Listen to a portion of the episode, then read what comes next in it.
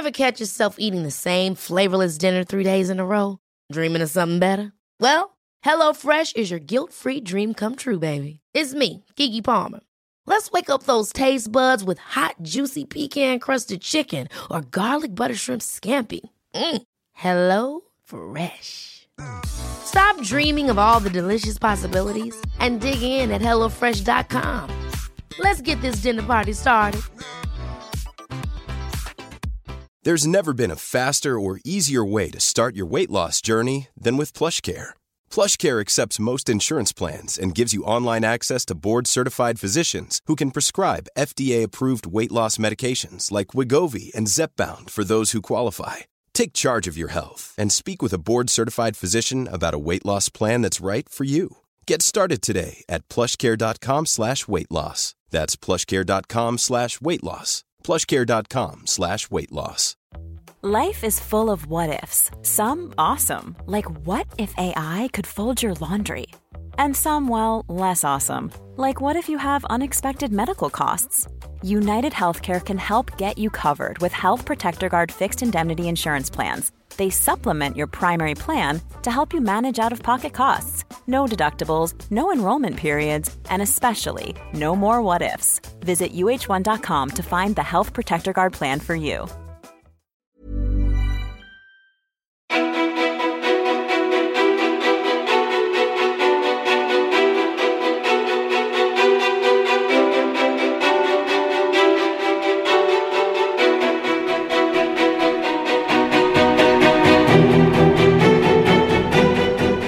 Jessica Nyholm, eller Tjockkocken som hon är mer igenkänd som, inspirerar tusentals människor i sina sociala medier.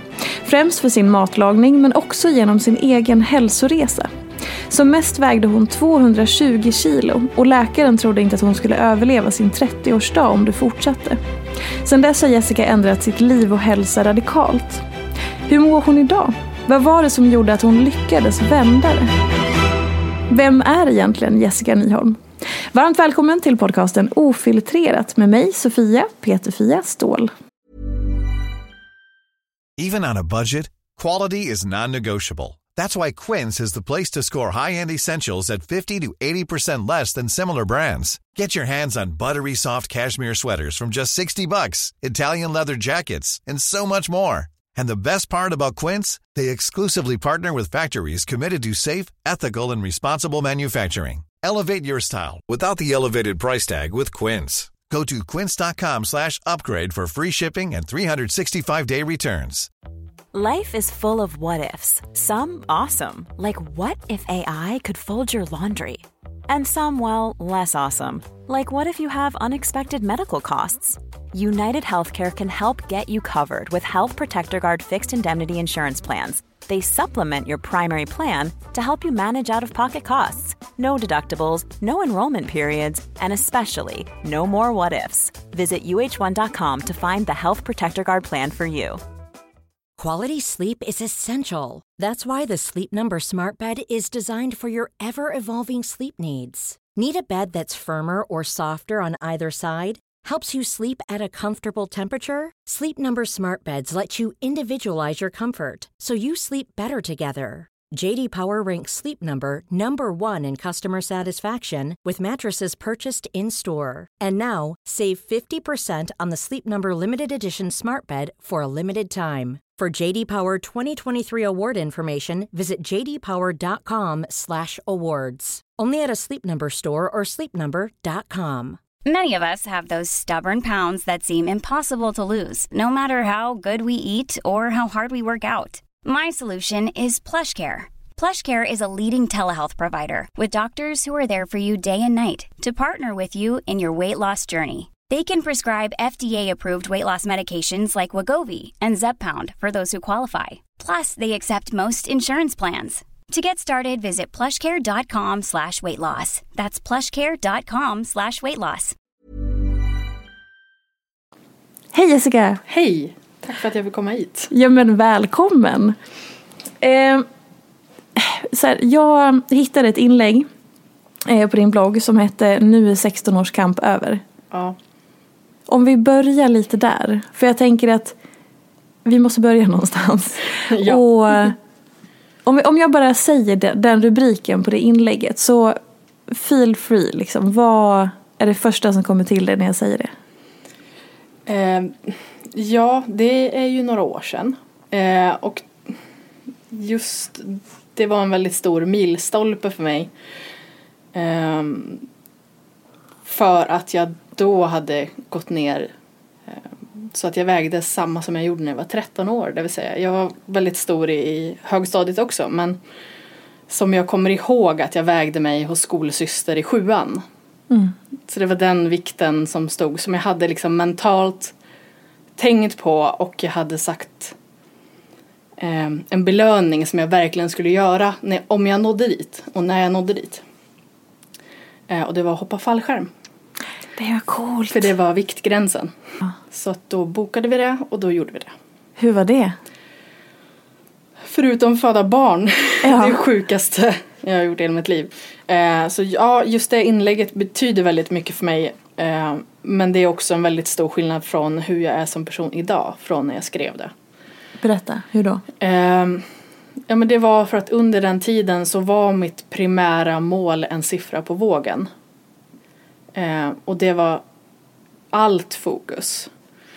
Eh, både på ett bra sätt för att jag, jag mådde väldigt bra men också eh, Alltså jag mådde bra fysiskt men psykiskt så tror jag det tärde för att jag, jag hela tiden stirrade mig blind på att jag måste till den siffran. Så det är väldigt blandade känslor nu i efterhand med ett sånt inlägg. Mm. Eh, för att jag tycker inte att det är sån jag är som person idag. Eh, och sen så är livet väldigt annorlunda nu. Det är liksom först efter det som, som jag har fått barn och fått ganska annan syn på livet. Eh, och också inte alls väger så längre utan har gått upp även om jag fortfarande är 100 kilo mindre än från början. Eh, så är det ändå liksom en, en annan synvinkel. Mm. Och sen är jag lite äldre. Så att det inlägget måste vara fem år sedan ungefär. Mm. Måste varit året innan jag blev gravid.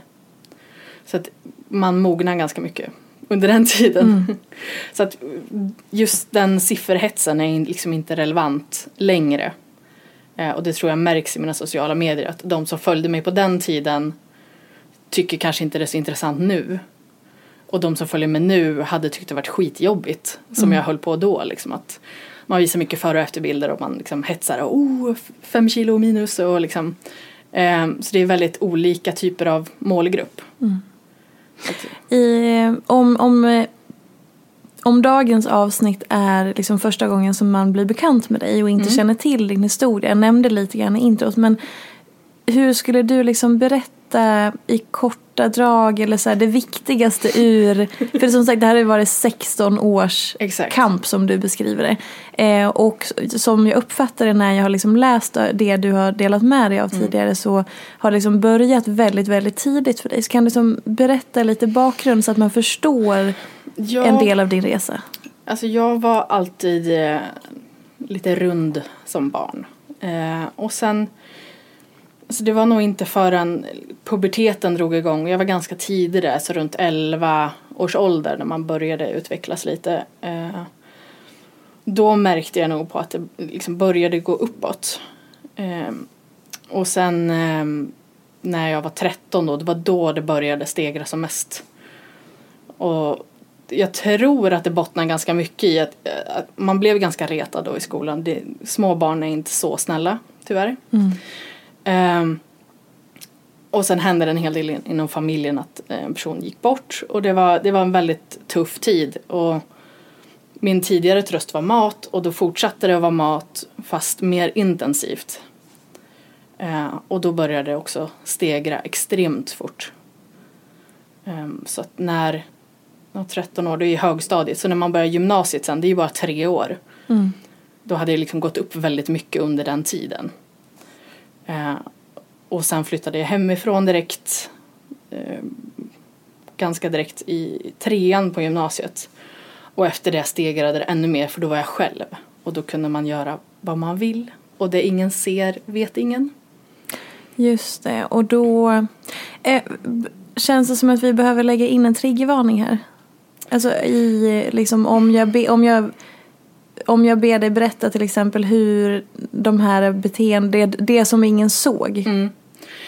Om du berättar lite om det. Alltså jag... Det beror nog på. Folk är olika där med triggervarning Ja. har jag inte riktigt... ehm, ja, en Men jag del- tänker så fort man pratar om mat och ätande så finns det någon... Vi säger så här, nu pratar vi lite om mat och ätande och så får man Tycker själv man det är bedöma. jobbigt kanske man ska stänga av nu stund. Exakt, eller spola Spol- fram. spola framåt lite. Exakt. Eh, nej men det var väl just det att eh, man bodde själv, ingen ser vad man gör och så mår man dåligt och det är en, det är en mörk, en väldigt, väldigt mörk cirkel, cirkel man hamnar i. Eh, och då är det, för mig var det tröstäta, för andra kan det vara alkohol, för, för vissa kan det vara sex eller droger och för mig var det mat och det var mat i liksom enorma mängder och ju mer man äter desto mer kan man äta. Och desto mer deprimerad blev jag och desto mindre rörde jag på mig. Och då blev det liksom bara en ond cirkel av mer och mer och mer och mer. Och till slut kände jag ändå att men nu är jag så pass stor så det går inte att göra någonting. Och då bodde i Karlstad några år och pluggade på universitetet. Och jag, menar, jag hade vänner där, vi var ute och festade. Så jag, var in, liksom, jag har väldigt, väldigt roliga minnen från den tiden också. Men också mörkt att jag inte orkade vad jag borde ha orkat när jag var 19-20. Som andra tänker vad de gjorde när de var 19-20. Eh, Så handlade mitt liv väldigt mycket om sova och äta. Ehm, Och jag tror jag hade kommit så långt ner i det då att eh, det spelar ingen roll längre. Nu, det är liksom som kört att- nu. Så att du var 19 år gammal och kände liksom att livet är över då? Ja, Eller? lite så. Ja. Ehm, sen fick jag chansen att flytta till Stockholm ehm, när jag fyllde 21. Ehm, och bo inneboende hos en kompis för det är hur lätt är det att få bostad här. Ehm, och då lyckades jag ändå få jobb. Och då kände jag ändå så här, men jag kanske har en chans här för här vet ingen vem jag är. För det är ju skillnad när man kommer från Värmland, ganska litet, alla känner alla lite. Här har jag en, ändå en ny start. Men det tog väldigt många år här innan jag kände att okej men, men nu. Och då sökte jag hjälp och det var då jag hade ett sånt där fint samtal med en läkare som sa att du överlever inte tills du är 30. Och då var jag 25. Och då fick jag ju liksom den så här, men vill du dö eller vill du leva? Och då ville jag leva. Alltså i den stunden då att få det så att en person sitter och säger det till dig så rakt ut. Alltså Ja. inga krusiduller, så här är det. Mm. Hur, liksom, hur tog du emot det? Eller hur landade det i stunden? Eh, Just då inte så bra för då mådde jag ju redan väldigt dåligt och då hade jag ändå kommit till liksom sluttampen att nu behöver jag hjälp. Eh, och vänt mig till vården vilket jag kanske borde ha gjort när jag var yngre men eh, ändå liksom kändes att jag missade väldigt många instanser. Ehm, så för mig var det så här, det här är min sista livlina, hjälp. Och sen sitter en läkare då som man ändå tänker, man har ganska mycket respekt för vad en läkare säger. Och om han säger en sån sak och sen säg, sa han gå ner 20 kilo och hör av dig sen. För då kan du få en gastric bypass. Ehm, så han berättar ju då att jag är för stor för att operera. Ehm, för att då kommer jag troligen dö på operationsbordet. För att det, det är så stora risker att, att söva en, en så tung person. Och då var det ju också så här. Men om jag hade kunnat gå ner 20 kilo så hade jag inte varit här. För då hade Just jag det. börjat för länge sedan. Så det tog ganska lång tid efter. Jag tror det tog ungefär ett år. För att jag, jag ville så innerligt leva men jag visste inte vart jag skulle börja. Och, och då fortsatte jag liksom den destruktiva delen. Ehm, så att jag jobbade natt då just. Och då blev det ju liksom, jag åt på natten och sen sov på dagen. Eh, och höll mig undan allt annat i princip. Ehm, så att det tog, det tog verkligen ett tag innan det sjönk ner ordentligt. Och jag bara, men nu är det min sista, min sista chans. Och då tror jag det mest var att jag gjorde det för min familjs skull i början. Ehm, för att ge det en chans. Och under alla de här åren, så här, hur... För att, eh, var det, var det någon som försökte säga någonting, prata med dig? Så här, jag kan hjälpa till eller vad behöver du? Eller? Eh, kanske inte på det sättet. Men jag hade, jag hade som sagt delar av min familj runt mig och ehm, även några väldigt nära kompisar som, som verkligen fanns där i ur och skur. Men som, de kunde ju inte göra någonting utan det, det måste börja inifrån. Jag måste Mm. kunna säga jag är redo att ta emot hjälpen. Annars så är det ja, men jag kan hjälpa dig gå ner i vikt, vi kan ta promenader, jag kan hjälpa dig och då blir det istället nej, du säger till mig nu att jag inte duger. Just det. Ehm, och så sätter man taggarna utåt och bara jag vill inte, jag vill inte prata om det här. Eh, så jag tror det var, jag sparkade nog bakut väldigt länge när folk försökte och tog det väldigt hårt. Eh, just så att ja, men du säger att jag inte duger. Inte kanske så här, jag, jag är rädd om ditt liv utan du säger att jag inte duger som jag är nu. Just utan du vill förändra mig. Ehm, så det tror jag också var en mognadssak sen när jag väl var, var redo för det. Så jag har svårt att se i efterhand egentligen att jag hade kunnat fått hjälp innan för att mentalt så var jag absolut inte där. Nej. Och andra kan ju vara det men, men jag tror att jag var inte det. Och det var nog därför det gick så otroligt långt. Ehm, men till slut så. Till slut. Till slut. Och eh, i, om jag uppfattade det rätt, eh, så i, liksom, när du var där vid den punkten och träffat läkaren så var han ändå eh, tydlig med att så här, det var bra att du var så ung och att du hade inga följd, du hade inte fått Exakt. några eh, sjukdomar eller diabetes eller någonting Nej. sånt. Kunde det ändå ges hopp och så här, det här är en, jag har ändå bra förutsättningar? eller? Abs- absolut. Ja. Som sagt, 25 år och väga 220 kilo. Hade jag varit 45 år och vägt 220 kilo så hade jag förmodligen haft eh, en annan typ av möjlighet. Eh, även om 45 är inte gammalt men för kroppen så är det en extremt stor skillnad. Så att jag hade ju, jag hade fortfarande lågt blodtryck vilket de tyckte var jättekonstigt. Eh, jag hade inte diabetes men jag var väldigt nära så jag hade högt blodsocker så jag låg liksom gränsfall så de kan inte säga diabetes men det hade liksom trillat över. Ehm, men jag hade liksom inga andra sådana problem. Däremot så hade jag väldigt, väldigt grov sömnapné. Eh, som jag lät gå obehandlad jättelänge. Jag visste inte ens om sömnapné. Ingen hade nämnt det innan utan folk till mig hade påtalat att du snarkar ganska mycket. Och då tänker man, jo men jag är väldigt tung liksom. Det låter ju rimligt. Ehm, tills det är faktiskt väldigt sjukt. Det var eh, när jag jobbade natt, så när jag åkte hem från jobbet. Eh, alla mina vänner har påtalat det också. Jag somnade väldigt ofta. Ah, alltså på olika platser? På olika platser. Ah. Alltså hemma, sitta och kolla på film, jag somnade. Kunde somna i bussen. Alltså för att jag var så innerligt trött hela tiden. Det var ju för att jag sov ju inte på nätterna. Just det. Om man inte känner till sömnapné, vad, kan du berätta vad det, Det är? betyder att du har andningsuppehåll. Mm. Ehm, och du kan ha det lindrigt och du kan ha det väldigt grov och, grovt. Och som jag hade, jag tror jag skrev det i bloggen, jag kommer inte ihåg, men det var uppåt 60 gånger i timmen som jag slutade andas. Alltså jag, 60 gånger i timmen? Ja, så att när jag, jag Men- somnade på en buss här i Stockholm dagtid, alltså Mm. på morgonen efter jobbet. Och så var det en kvinna som kom fram till mig och väckte mig. Mm. Hon jobbade på Sofiahemmet. Och hon Mm. sa till mig att jag tror att du har sömnapné. Ah, För att jag snarkade väl på bussen. ja. Eh, och hon gav mig namnet på avdelningen. Och sa att jag skulle ringa dit den dagen. Jag tror jag var där den dagen eller några dagar senare. Eh, så gick jag igenom en man, får, man, man fick sova där och man fick testa massor grejer och så fick man hem massa mätningar och grejer. Och sen utreder de det och då sa de att du inte är död är ett under för att du slutar andas i sömnen hela tiden. Och det är därför du är så konstant trött för att du sover inte. Eh, och då fick jag en sån här CPAP-maskin och de som inte vet vad det är är som en, en eh, sömnmask egentligen som ger dig syre medan du andas. Du låter som Darth Vader när du har den på dig. Men för första gången då på typ tio år i alla fall så kunde jag sova en hel natt och fick, jag var utvilad för första gången.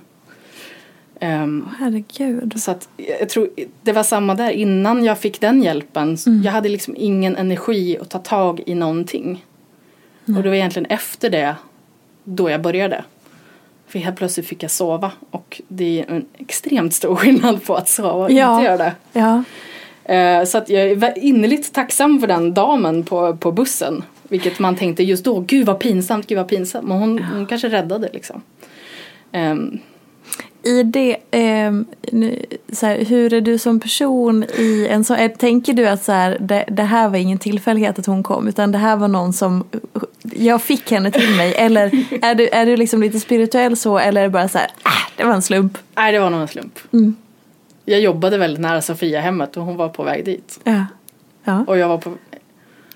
Undrar om jag var på väg dit för jag skulle jobba morgon eller om jag var på väg därifrån. Ah, ja, men liksom, jag jobbade väldigt nära så chansen var ju stor att personer från Sofia-hemmet skulle vara på den bussen. Men ja, att hon, att hon faktiskt tog tag i mig och väckte en främmande ung tjej liksom. Det tycker jag var väldigt imponerande för att eh, jag tror många hade absolut inte gjort så, även om du kanske är vårdpersonal. Eh, Så det är ju väldigt häftigt. Men eh, ja. Men alltså du, du sa 60 gånger i timmen. Ja, alltså jag kommer inte ihåg Alltså det är ju varje minut. Det är nästan hela tiden. Och sen är det vissa minuter det inte går och så vissa minuter är det liksom hela tiden. Och det är ju liksom att du och sen liksom andas du igen. Och då, du, du snarkar ju väldigt grovt då för du chippar ju efter andan. Din kropp säger ju till dig, du får inte luft. Och, och är det här någonting som man kan, eh, som kan förbättras? Eller är det så att om man en gång har, att det har blivit så att det sen är så jämnt? Eller kan det liksom Det är borta. variera? Det är borta helt? Det är helt borta. Åh vad mäktigt. Eh, det var nog... ehm, det var inte så lång tid efter operationen. Och jag minns... Det är nio år sedan jag gjorde operationen. Eh, och jag tror verkligen inte att jag hade maskinen mer än ett år efter. Sen slutade jag nog med den lite innan för att jag tyckte den var så otroligt obekväm. Men jag började sova bättre och sen, sen dess har jag liksom aldrig använt den igen. Och nu sover jag i alla fall bredvid någon eftersom jag är gift. Och, han säger ju liksom, jag kan ju snarka såklart och jag är ju fortfarande tung. Men jag sover ju nu. Så det är, det är absolut en enorm lättnad. Och just det här med sömnapné. Ja, det är väldigt vanligt om du är väldigt grovt överviktig. Men det är också väldigt många andra som drabbas av det. Så det i sig behöver inte vara kopplat till övervikt. Utan du kan vara smal och få det också. Så att det, det kan vara kopplat till helt andra saker. Eh, men jag hade väldigt tur att det försvann. Ja. Gud, alltså och just det här att att så många människor, eller liksom i det här att så här, okej men de pratar om död hela tiden. När de har pratat med dig i de här olika, eh, liksom fanns, fanns döden med dig innan de började sätta ord på det? Jo men det trodde jag. Alltså jag jag var ju väl väldigt medveten om hur stor jag var och hur ovanligt det är, i alla fall i Sverige. Ehm, och vilken typ, ehm, vad ska man säga, vilka medicinska saker som, som det kan påverka. Eh, så jag förstod väl ändå att alltså, döden om du väger 220 kilo kanske inte är jättemärklig. Ehm, Men som sagt innan jag tog tag i det så var jag nog rätt inställd på att det är så det, det får bli liksom. Ehm, och sen när jag väl hade börjat kämpa då var det inte längre på kartan utan dör jag då är det en buss som kör på mig. Ehm, det ska inte vara för att jag har gett upp i alla fall.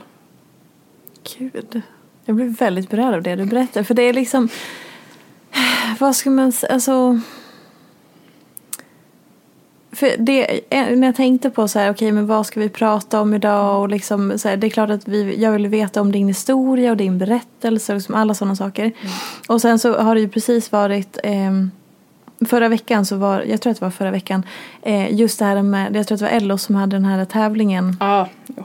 Eh, du vet hela den biten. Ja. Och så så här, eh, för det, det är ju någonstans en så diskussion i vårt samhälle, eller någon pågående debatt om, Och sen just med det, eh, om man tittar på sociala medier så är det ju bilder, så här, Insta versus reality Ja. och att så här, smala personer eh, gör eh, skjuter fram valkar eller liksom visar sig i olika positioner och sånt där. Och liksom hela den diskussionen och så och sen just när man är så här, okej men att många kanske missar hela kärnan i varför alla in, inte kan föra alla kamp, allas kamper.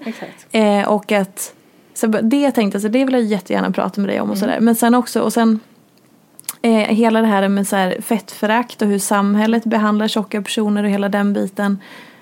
Och sen också är det som att så här, alltså fördomarna mot tjocka, nu får du rätta mig om jag har Ja. fel, men är inte det väldigt mycket att man blir så här typ som att man inte ser bakom att så här, vänta nu, men att folk har så enkla förklaringar. Förstår du vad jag Absolut. menar? Att man typ, man tar bort att det är så- det är en levande människor med, som kämpar med alla saker som man kan kämpa med i livet. Och sen så är det som att det blir så förenklat. Och så blir det massa fördomar och skit och bara så här, men vänta, det är, det är människor vi pratar om och alla har sina liksom kamper. Absolut.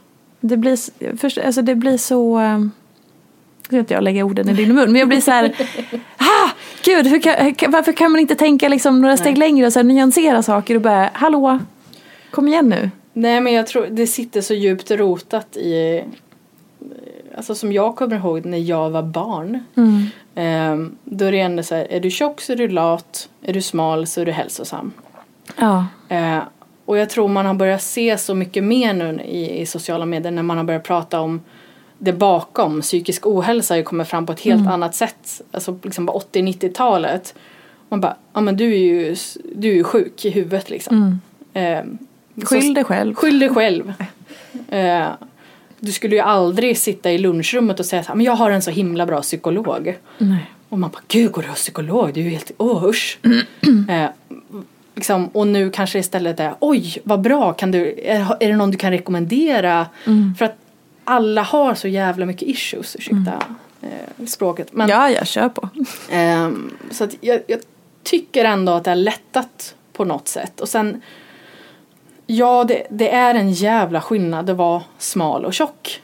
Och det, det kan ingen säga att det inte är. Men jag är också så oerhört less på den debatten. Att det är så här, men det är vi mot dem. Varför då? Varför bryr du dig om jag är tjock? Jag bryr mig inte om du är smal. Jag bryr mig om du är otrevlig. För det är så mycket mer relevant än vad du äter eller hur stor din rumpa är eller om du har dubbelhaka eller inte. Vad spelar det för roll i sammanhanget? Eh, och jag tror att det känns som att det går framåt på den punkten för att folk är mer öppna. Eh, men då uppstår istället de här hetska debatterna. Att folk blir så oerhört kränkta eh, åt båda hållen. Men jag får faktiskt och jag får och jag får. Men vad håller ni på med? Hur hjälper det här överhuvudtaget? Jag förstår att folk blir eh, sura när en smal person, jag tycker jag tycker inte att du kan ställa dig, just du kan ställa dig i, i underkläder och bara ah, men det är faktiskt så att alla har valkar. Nej. Det kanske du har för du har hud. Och du har fått barn. Eh, så förmodligen har du hud någonstans. Alltså som, som inte sitter där den satt för tio år sedan. Eh, men vi pratar om helt olika saker. Men det betyder inte att om du mår dåligt eller om du känner att eh, du inte ser de här hudvalkarna i, i liksom, tidningar eller reklam. Det betyder inte att det inte är tungt för dig. Exakt. Och jag är nog uppväxt, alltså liksom alla mina kompisar runt mig har alltid varit typ smala, liksom så här, normen. Eh, och jag har haft flera vänner som även har kämpat åt helt andra hållet som jag, som har varit underviktiga, som har kämpat med ätstörningar och liksom anorexi. Och, och jag har sett den sidan också, hur jävla dåligt man mår på den sidan. Eh, och därför tycker jag det finns liksom, vi behöver inte tävla mot varandra, vi behöver inte säga vem som har det jobbigast, vi behöver inte säga ehm, att jag kan inte föra hennes talan och hon kan inte föra min talan men vi behöver inte slåss mot varandra för det liksom. Nej. Ehm, så jag tycker någonstans det har spårat ur och folk är så himla arga. Men de är arga på fel saker. Ehm, så att jag, ehm, jag, får, jag har fått frågan ibland så här, oh, vad tycker du om det här och eh, varför, varför lägger inte du ut någonting? För att jag bryr mig inte. Nej. Det tar energi som jag inte vill ge. Jag har, jag har ett barn, jag har ett liv, jag har jobb. Jag har annat att lägga min energi på.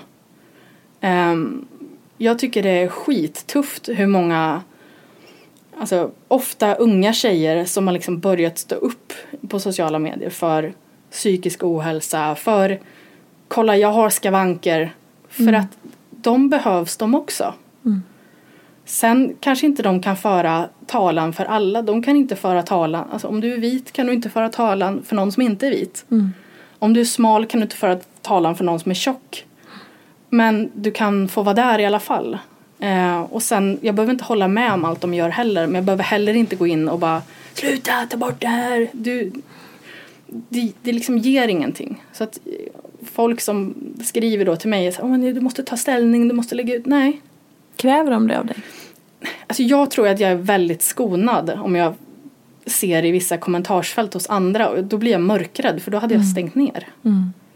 Så jag tycker det finns jättemånga som jag beundrar jättemycket för vi är så sjukt olika. Men vi behöver inte, vi behöver inte vara likadana. Vi är inte likadana. Men det kanske är liksom det som är lite grann nyckeln till många diskussioner i sociala medier. Att man får intrycket av att det, det hamnar på en antingen eller nivå. Exakt. Antingen så, alltså det finns inga nyanser, gråskalor, alternativ, alltså att det är svart eller vitt. Men, men vi kan, precis som du säger, det är inte svart eller vitt eller Nej. antingen eller, eller av eller på eller så här eller, eller så är det så här. Ehm, och det är väl det som bidrar till att mycket blir liksom så himla Det blir så argt klimat. Så Ja. det blir, och då, då backar jag ur det. Och jag kanske är lite konflikträdd men jag är nog snarare jag har lärt mig vilka konflikter jag behöver ta och jag behöver inte ta den konflikten. Nej. Jag tycker det är fine. Vill du stå i underkläder och liksom promota, det kommer hjälpa någon. Om jag vill ställa mig i underkläder, det kommer hjälpa någon. Jag behöver inte ens stå i underkläder. Jag kan bara skriva liksom mina känslor berätta min historia. Jag kan vara totalt påklädd. Det behöver inte handla om någonting sånt. Och, så, och då, sen kommer liksom andra sidan då. Så, "Men varför måste vi kommentera varandras kroppar i alla fall? Kan vi inte bara sluta? Alla bara är. Man bara, men det, det är inte så. Det kommer aldrig vara så. Men vi kan ändå skifta fokus på vad är viktigt. Och varför, varför, varför ska vi vara så jävla arga?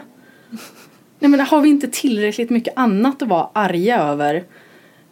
Än att vi ska liksom sitta och skrika på varandra på Instagram. eh, Att, att liksom någon har lagt upp en bild med en valk.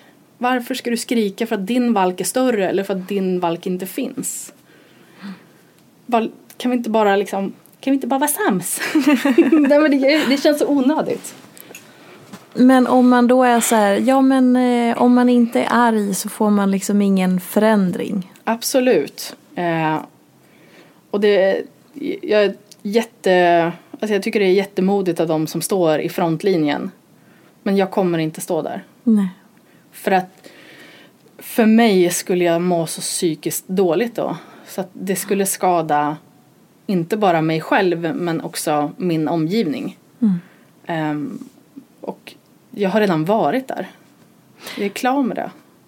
Och precis som du säger, att så skydd, både skydda sin egen energi men också att välja var man faktiskt lägger sin energi på. Exakt. Det är ju typ det mest hälsosamma man kan göra, kanske framförallt i den här världen och tiden vi lever i.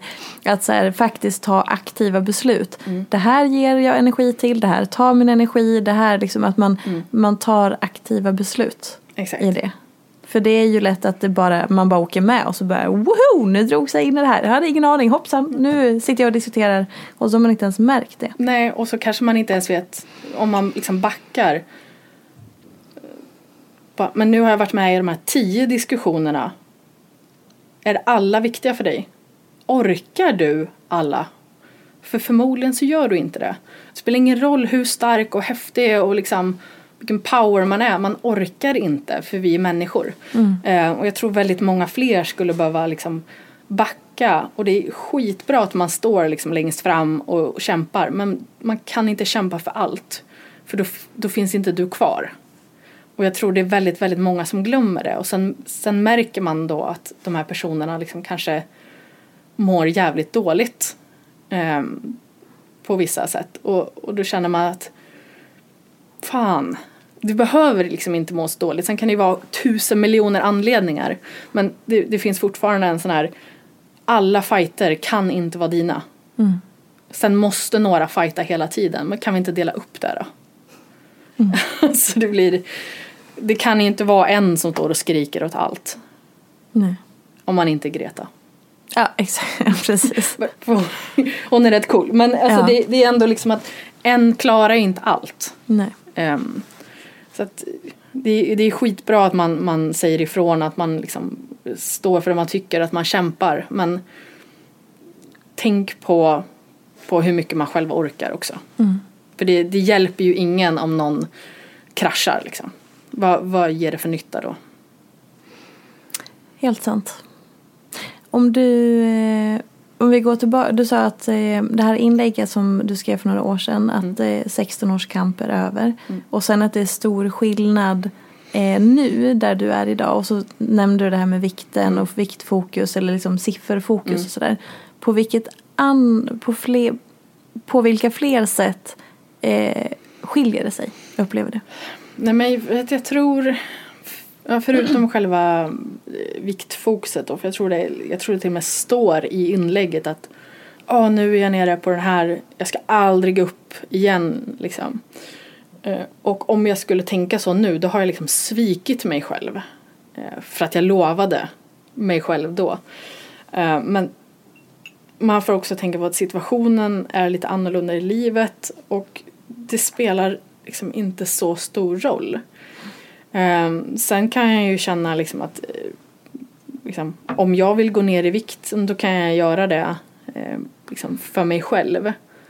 Men jag kanske inte behöver stå och skrika om det för att nu förstår jag att det, det är väldigt jobbigt för andra för att jag vet själv hur jobbigt jag ändå tyckte det när jag var som störst och någon bara Gud jag måste ner de här fem kilorna. Åh, man bara, men gud det är ju liksom min stortå. Va? Mm. Och det spelar liksom mer roll för dig än att leva. Och jag vill inte hamna i en sån sits att de här fem kilorna jag vill gå ner eller om det är 20 kilorna jag vill gå ner. Att, alltså, om jag bara gör det så kan jag börja leva sen. För att jag vet inte om jag lever sen. Eh, och jag tror hela det synsättet har påverkat mig nu. Att vad jag än liksom strävar mot att jag vill göra längre fram så kan jag, liksom, jag kan inte fastna där. Ehm, och då har nog det här liksom viktfokuset sen zonats ut lite. För att det är inte där det är viktigt längre utan nu försöker jag mer fokusera på vad får mig att må bra och ett, ett, ett år av coronakarantän har inte fått mig att må bra. Nej men då kanske jag kan gö- försöka liksom göra något annat det här året. Eh, och jag tror inte jag är själv med den känslan för eh, 2020 går väl inte till historien som något toppenår för, för någon direkt. Eh, men jag tror det är liksom ett mindset som jag försöker ha i allt. Hur hittade du det då? För att det du beskriver nu är ju väldigt långt ifrån där du var. Ja. Och saker och ting har ju hänt på vägen såklart. Men som, för man tänk, jag tänker väl att i alla sådana här grejer som är eller alla upplevelser och processer av att så här, man behöver förändra sitt liv på något sätt. Eller liksom ta jobbiga beslut. Eller verkligen så här, nu måste jag hjälpa mig att hjälpa mig själv. Oavsett vad det handlar om så är ju det mentala nyckeln. Såklart. Och då så här, hur lyckades du liksom, man kan koka ner det till så här, gick du terapi eller var det, så vad var det som hjälpte dig i den processen? Ehm, nej, alltså jag... Det är nog under åren så har jag ändå, man ändå samlat lite mental kunskap kan man säga om, om hur jag har mått i olika perioder. Och jag vet hur jag har haft det när jag är som sämst och hur jag har haft det när jag är som bäst. Och då måste ju ändå liksom min mentala strävan vara någonstans till att men jag vill må så bra jag kan. Och då handlar det inte om siffran på vikten, må bra så, liksom så bra jag kan. Utan jag vill vara stark, jag vill sova, jag vill äta god mat, jag vill ha roligt, jag vill leka med mitt barn och jag vill uppleva världen. För det var så många år som jag inte upplevde någonting. Um, alltså jag gjorde min första resa utanför Sverige när jag var 28. För att innan dess så fick jag inte plats i, en stol. Jag kunde inte ha bilbälte. För det fick inte plats. Eh, jag vågade inte äta på restaurang för jag var rädd att om någon ser mig äta så säger de någon, något elakt till mig. Är det någon som har gjort det någon gång? Många gånger. Hur, i, i vilka Nej sammanhang? men du, du, är hungrig och du går och köper en korv med bröd på stan. Det är inget konstigt för dig. Men om någon skriker ditt jävla fetto Ja. när du äter din korv. Då vill inte du äta din korv på stan. Och för någon annan så är det bara så här, ja ah, men fan jag är hungrig, jag tar en stödkorv på vägen Ja. hem liksom. Eh, och, och där kan jag ändå känna att alltså, jag har hittat så mycket lycka i så mycket små saker. Eh, bara att förr i tiden, om du hade bjudit hit mig när jag var som störst. Då hade jag haft så fruktansvärt ont i magen hela tiden för att har hon en stol jag kan sitta på? Har du någonsin tänkt den tanken om du får plats i en stol? Nej. Nej. Men och det här eh, Det är väl kanske de här perspektiven Mm. som man behöver prata mer om. Eh, vill du så här, för att det också om man eh, om människor så här, för att, som sagt det blir så onyanserat hela Mm. tiden och liksom sådana så här, typ smala korridorer i samtalen om så. Om man då sitter och tänker sig, men hur, vad fasen, det är väl ingen skillnad i hur man blir behandlad eller ja men vad då de nämner, kan du dra några till sådana här exempel? För jag tror att det är, Alltså om jag- det känns, alltså, känns, det viktigt?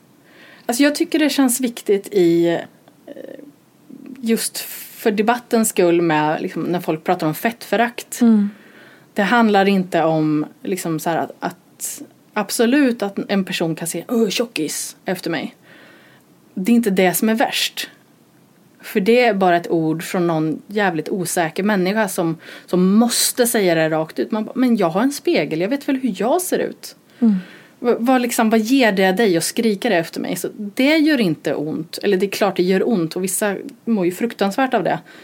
Men det var inte det som gjorde ont för mig. För mig var det var på krogen eh, och dansa liksom, när man var ung och så, så man ville ragga lite så här. Jag vågade inte ragga under väldigt lång tid. Och heller kunde inte känna att liksom någon var ute efter mig utan de gick efter mina kompisar så skyddade jag dem liksom från alla creeps. Eh, så det var ju ändå skönt. eh, men då har jag liksom haft vänner som små jävla kompisar som ställer sig framför som, som liksom skriker åt de här killarna som liksom kanske beter sig elakt. Ehm, så jag har liksom ett par sådana händelser i mitt huvud som liksom gav mig ändå så mycket styrka för att jag hade inte mentalt, alltså jag orkade inte säga ifrån utan om någon betedde sig illa så gick jag eller liksom blev ledsen eller liksom, jag sa ingenting. Eh, men då hade jag dem som sa det åt mig. Och nu skulle jag kunna säga det själv för min egen skull men jag skulle också kunna gå in och säga det om jag ser någon annan göra det mot någon. Eh, och det känns ändå skönt att ha liksom kommit till och det tror jag inte jag hade kommit till om jag inte hade haft de erfarenheterna heller. Um, men som du säger, så här, små situationer. Det är allt från att du sitter på tunnelbanan eh, och det är bara ledigt vid dig. Men personerna väljer att stå.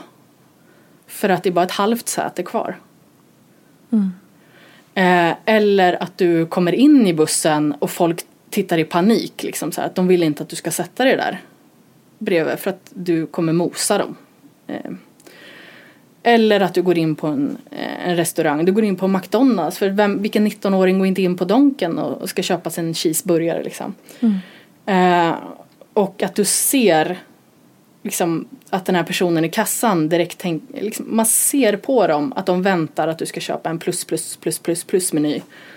Ehm, och kanske liksom låter förvånad om du säger att du ska ha en cheeseburgare. Och det tror jag, det, det upplever man inte på något annat sätt. Eller att man söker, när jag flyttade hit då och sökte massa jobb. Jag menar jag kom ut från gymnasiet så jag menar man hade ju inte så mycket erfarenhet men man sökte ändå den typen av jobb som, eh, som, som går. Det var ju mycket eh, liksom, kundtjänst eller telefonförsäljare eller liksom, det som fanns för att jag ville bara ha ett jobb. Eh, och så skickar man CV, man hade ett skitbra samtal på telefonen och så kom man dit och klev in genom dörren och så pratade de typ inte med dig. Så jag var på 15 intervjuer i rad där jag var eh, på typ 10 minuter, de knappt pratade med mig. Tittade ner i bordet, Kunde inte, alltså inte ställa några vettiga frågor som jag förstod att de säger till andra. Och det blev så liksom klart där att så här, nej men vi vill inte ha dig här. För att du är en, du är en lat människa. För det är det man sätter ihop med Exakt. att vara tjock. Eller liksom, alltså det, att det är som att de två tar ut varandra. och då tänker man då att då, då hänger det ihop med liksom att eh, ja, men du är lat, du kommer inte orka gå till jobbet. Du kommer alltså vara hemma jämt eller sjukanmäla dig jämt. Utan att överhuvudtaget liksom ge mig en chans eller prata med mig eller eh, fråga liksom. Jag fattar att jag hade kanske inte varit springpojke liksom. Eller springa på ett lager fram och tillbaka för det fysiskt hade jag inte orkat. Men jag kan absolut sitta och prata i telefon. Så när jag, var, liksom, när jag fick mitt första ordentliga jobb här ehm, då var det liksom via en telefoni. Eh, då hade jag en intervju utomhus med min dåvarande chef. Och han var så störtskön liksom. Och jag, jag var, kommer ihåg, jag var så förvånad att han hela samtalet var så trevlig mot mig. Och det kändes så jobbigt. Ja. Att så här, varför är han så trevlig? Så bara, aha, det är så här det ska vara på en intervju. Och jag kommer ihåg att när han erbjöd mig jobbet så sa jag, är du säker? Fy fan. Och jag bara, du tänker inte på att jag är så stor? Du sa det till Ja, honom? jag frågade. Och han sa, jag skit väl i vad du väger. Ja. Så länge du kan prata i telefon här liksom. Eh, eller jag skiter i hur stor, alltså han bara liksom, det spelar väl ingen roll. Mm. Och, så sen, och, och sen också så här, jag menar, sköter du inte ditt jobb, då är det väl som med alla andra liksom. Det spelar väl ingen roll. Eh, så jag, jag var så förvånad över att han kände att det spelar ingen roll. Och det är så självklart. Nu. Ehm, så att det finns mycket sådana där upplevelser som har gjort här, Ja, alltså, ja, jag förstår det. ehm, som, som nog har fått mig att känna nu att så här, men jag bryr mig inte om de här små sakerna. För det, det spelar verkligen ingen roll. Och jag brukar, det är så många som, som skriver till mig eh, som säger jag mår så dåligt, jag väger 15 kilo för mycket och jag vet inte vad jag ska göra. Mitt liv är slut. Och man bara, men varför? Varför? Hur kan de... Jag förstår om, om man liksom, menar som, om folk ser mig nu, jag är fortfarande väldigt överviktig. Ehm, och det finns folk som gör gastric bypass liksom, i min storlek nu. Men jag menar, jag har inget problem med att, att leva mitt liv nu för att jag vet vart jag har varit. Men en person som ser mig på stan kanske istället tänker nu om mig. Gud vad lat hon är, varför är hon så tjock? Men skillnaden är nu att jag bryr mig inte. Det är inte mitt problem att liksom, du tänker så om mig. För du känner inte mig och du vet inte vart jag har varit. Det är samma som att jag kan inte liksom, döma den personen som kommer. För jag, har, jag har ingen aning om vad som händer i dens liv. Ehm, så jag tror det har hjälpt mig väldigt, väldigt mycket i hur jag ser på andra människor och hur jag tar åt mig av vad folk säger. Det vill säga inte tar åt mig. Eh, sen kan jag självklart, alltså jag har ju dåliga dagar hela, alltså alla har dåliga dagar. Ehm, så jag kan väl fortfarande liksom, må dåligt och vara ledsen och sådär. Men det tror jag är en mänsklig grej. Det är skillnad när det är liksom konstant. Och du, du trycks ner av det. Eh, och nej, där är jag inte. Alltså det Vad är... tungt det blev. Ja, nej men det blir alltid. men, och det är... För det, det, det som jag tror kanske är så ett av de stora problemen, nu bara kastar jag tankar Ja, rakt ut här. kör.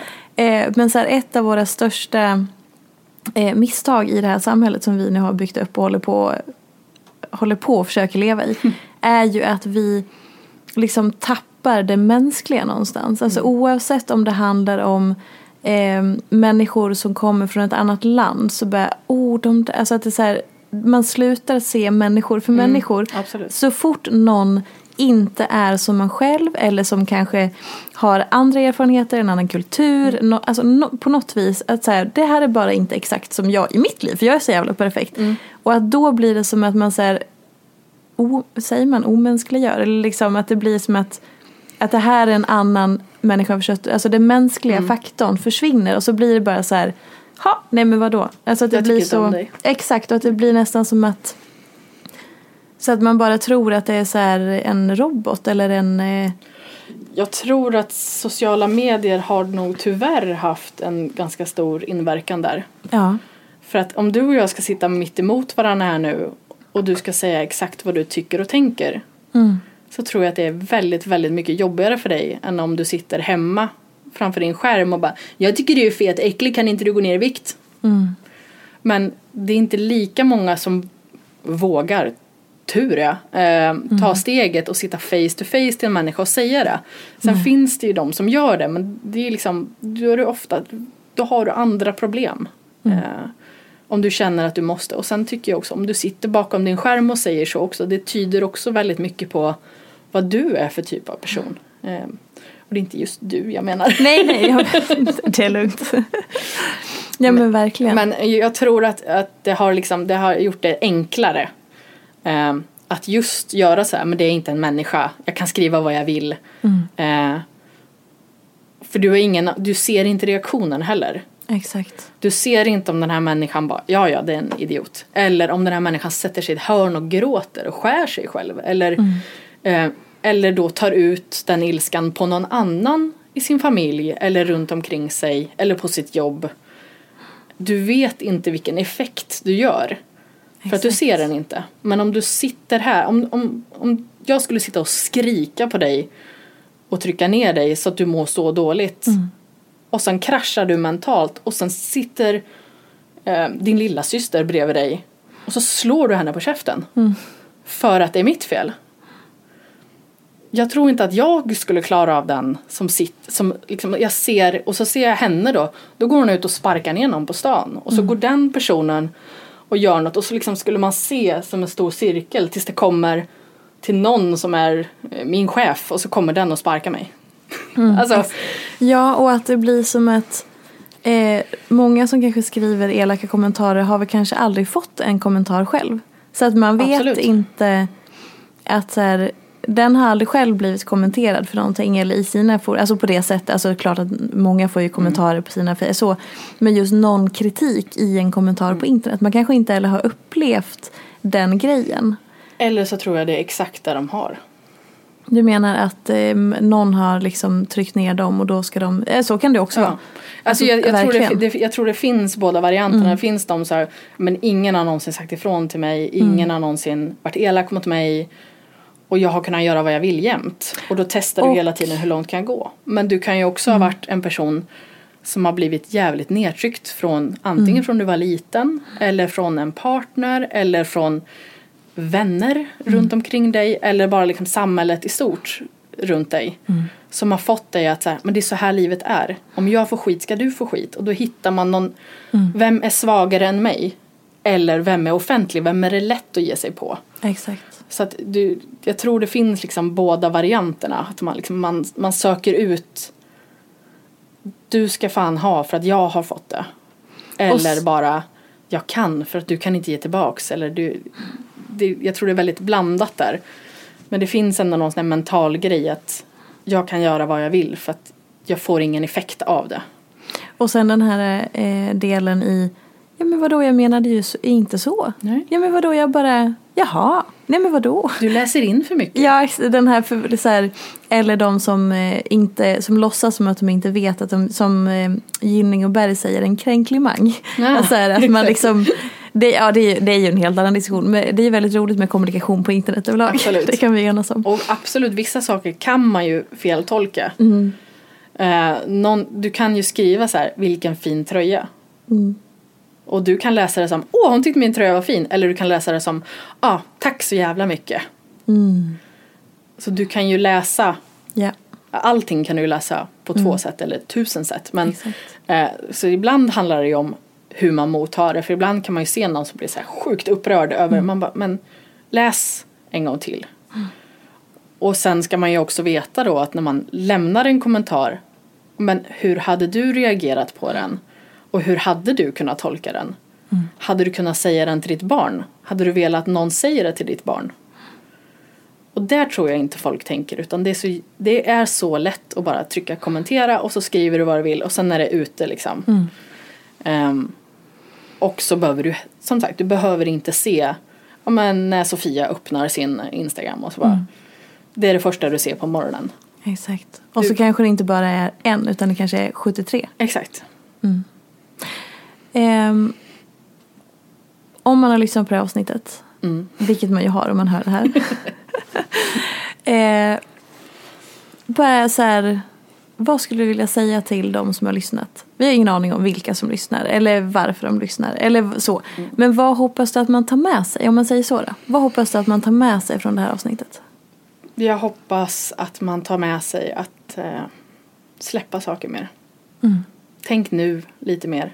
Eh, och sen har jag faktiskt en sak som jag liksom skriver ganska ofta. Just när det är, det är väldigt mycket yngre tjejer som, som följer och som skriver då att de tycker så illa om sig själv och sitt utseende. Och så brukar jag säga då att eh, när du ligger på din dödsbädd, om du har tur och blir gammal och ligger på din dödsbädd. Det finns ingen som kommer säga jag önskar att jag hatade min kropp lite mer.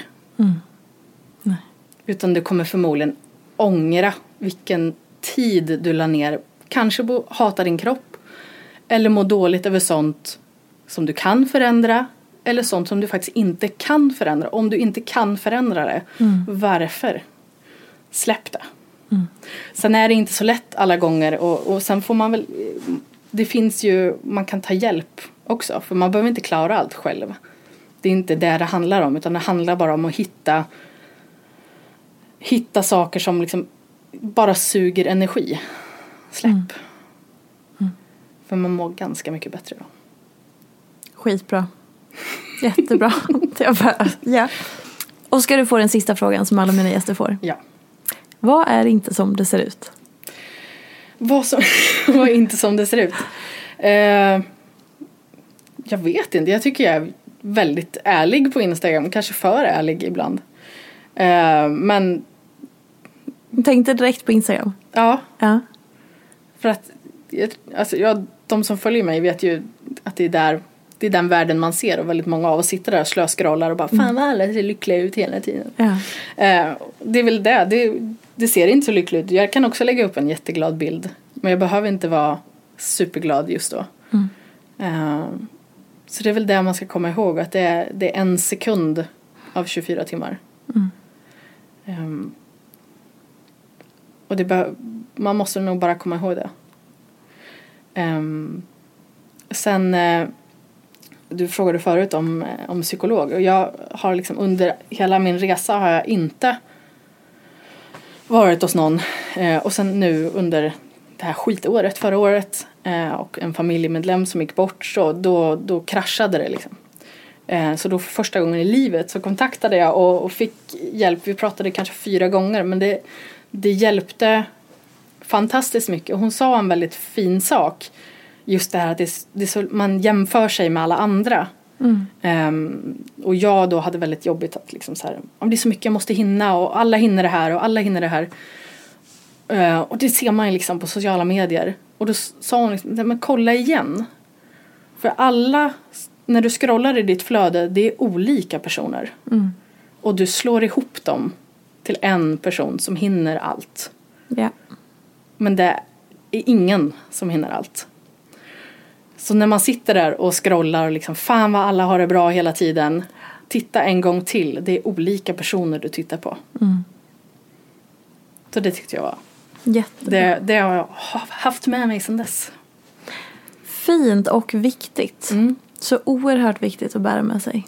Tror du att du kommer fortsätta hos psykolog? Nej, det tror jag inte. Nej. Nej utan det, jag hade fyra tillfällen med henne men ehm, som jag eh, är uppväxt så är det väldigt nej nej nej man söker inte hjälp. Man, man tar hand om det själv. Eh, och att jag tog steget det har ändå gjort mig öppen för att känna att om jag känner att jag behöver det igen så gör jag det. För att jag vet nu det var inget farligt, det var inget konstigt. Ehm, det kändes konstigt men väldigt naturligt. Ehm, så, och det tror jag jag har fått från sociala medier. Att folk, andra människor har pratat om att de har sökt hjälp och att de vågar ta hjälp och att de vågar fråga. Ehm, det hjälpte mig enormt att våga ta det. Så att, ehm, det känns ändå skönt att veta att om jag känner att det blir för tungt då behöver jag inte göra det själv. Också bra att ha med sig för det är ju väldigt lätt att man hamnar i det när man mår dåligt på något Mm. sätt. Att man tänker Man att här, stänger in sig. ja, det här är min skit så nu får jag liksom Exakt. hålla på med det här. Och jag menar, en del har partner att vända sig till eller familj eller vänner. Eh, men det är inte samma sak. Nej. Och ibland känner man då så här, men jag vill inte tynga ner dem. De vill höra din skit för de bryr sig.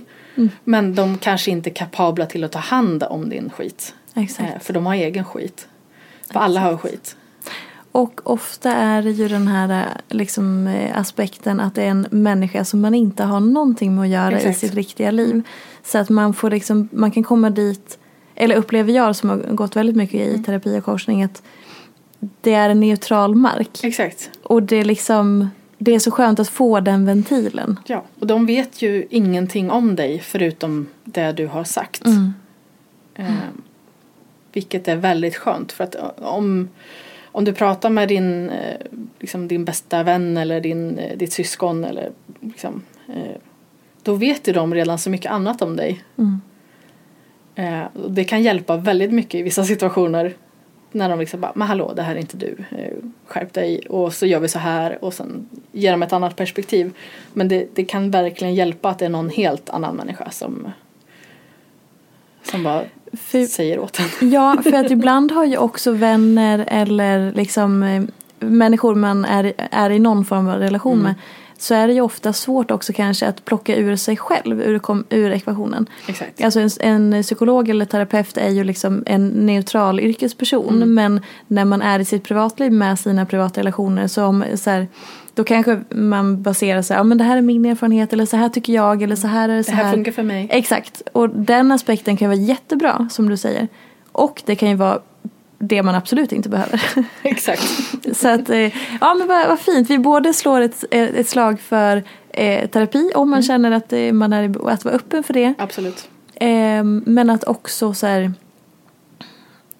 ja som du sa där, att så här, våga ta steget. Man behöver inte bära sin skit själv. Och sen om det är att gå till någon form av vård eller någon, för du sa också det att du missade många instanser längs vägen när du var yngre. Det kanske man också kan ta med sig att så här, det finns ofta nå, nå, något alternativ. Exakt. Om man vågar. Det hade nog funnits en hel del. Ja. Eh, men de jag blev, alltså jag blev erbjuden du vet, så här, skolhälsovården. Mm. Där blir det fel. Där var fel väg. Och- då blev det istället tvärtom effekt. Mm. Att jag tänker inte alls lyssna på dig. Eller du behandlar mig jättedåligt. Så jag vill Mm. absolut inte till någon ny läkare. Eh, så att nu tror jag också det finns en annan typ av hjälp. Alltså om det, typ med, oavsett om du har någon form av ätstörning. Eller, för att det är vad jag tycker att jag har. Eh, har haft och den, den ligger liksom alltid kvar och gror. Jag vet om den på ett annat sätt nu. Eh, men oavsett om det är det som är ditt problem eller om, om det är alkohol eller det finns andra typer av instanser som faktiskt är baserade på de olika delarna nu.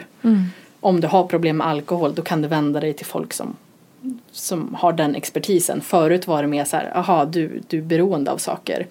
Just det. Kan inte alla ni träffas bara här i ett rum? För det är inte samma sak. Nej. Eh, även om man kanske skulle kunna förstå varandra på ett lite annat sätt. Och eh, man kan följa dig överallt. Eller inte Ja. överallt, men inte överallt. på Instagram och din blogg. Ja. Berätta. Eh, ja, Tjockkocken på Instagram. Eh, och tjockkocken.se på bloggen. Men på bloggen är det liksom, där är det mer recept om man vill laga god mat som inte är så jävla krånglig. Underbart, det är bland det bästa vi har. God mat som inte är så jävla krånglig. Tusen tack för att du kom hit och ville göra mig sällskap under den här timmen. Eller lite, ja, lite mer till och med. Oj då. Ja men det är jättebra, Ja. det är fantastiskt. Och hörni, vi ses nästa vecka. Lyssna nästa vecka igen om du vill. Och puss och kram, vi ses inte på stan riktigt än, men kanske snart. Hej då! Hej då! Följ mig gärna i sociala medier. Jag heter Peterfia på Instagram och bloggar på peterfia.se. Vill du komma i kontakt med mig så gör du det på info.peterfia.se. Jag vill rikta ett stort tack till Acast för studio och stöttning och ett stort, stort tack till geniet Elin Sjödén som klipper den här podcasten.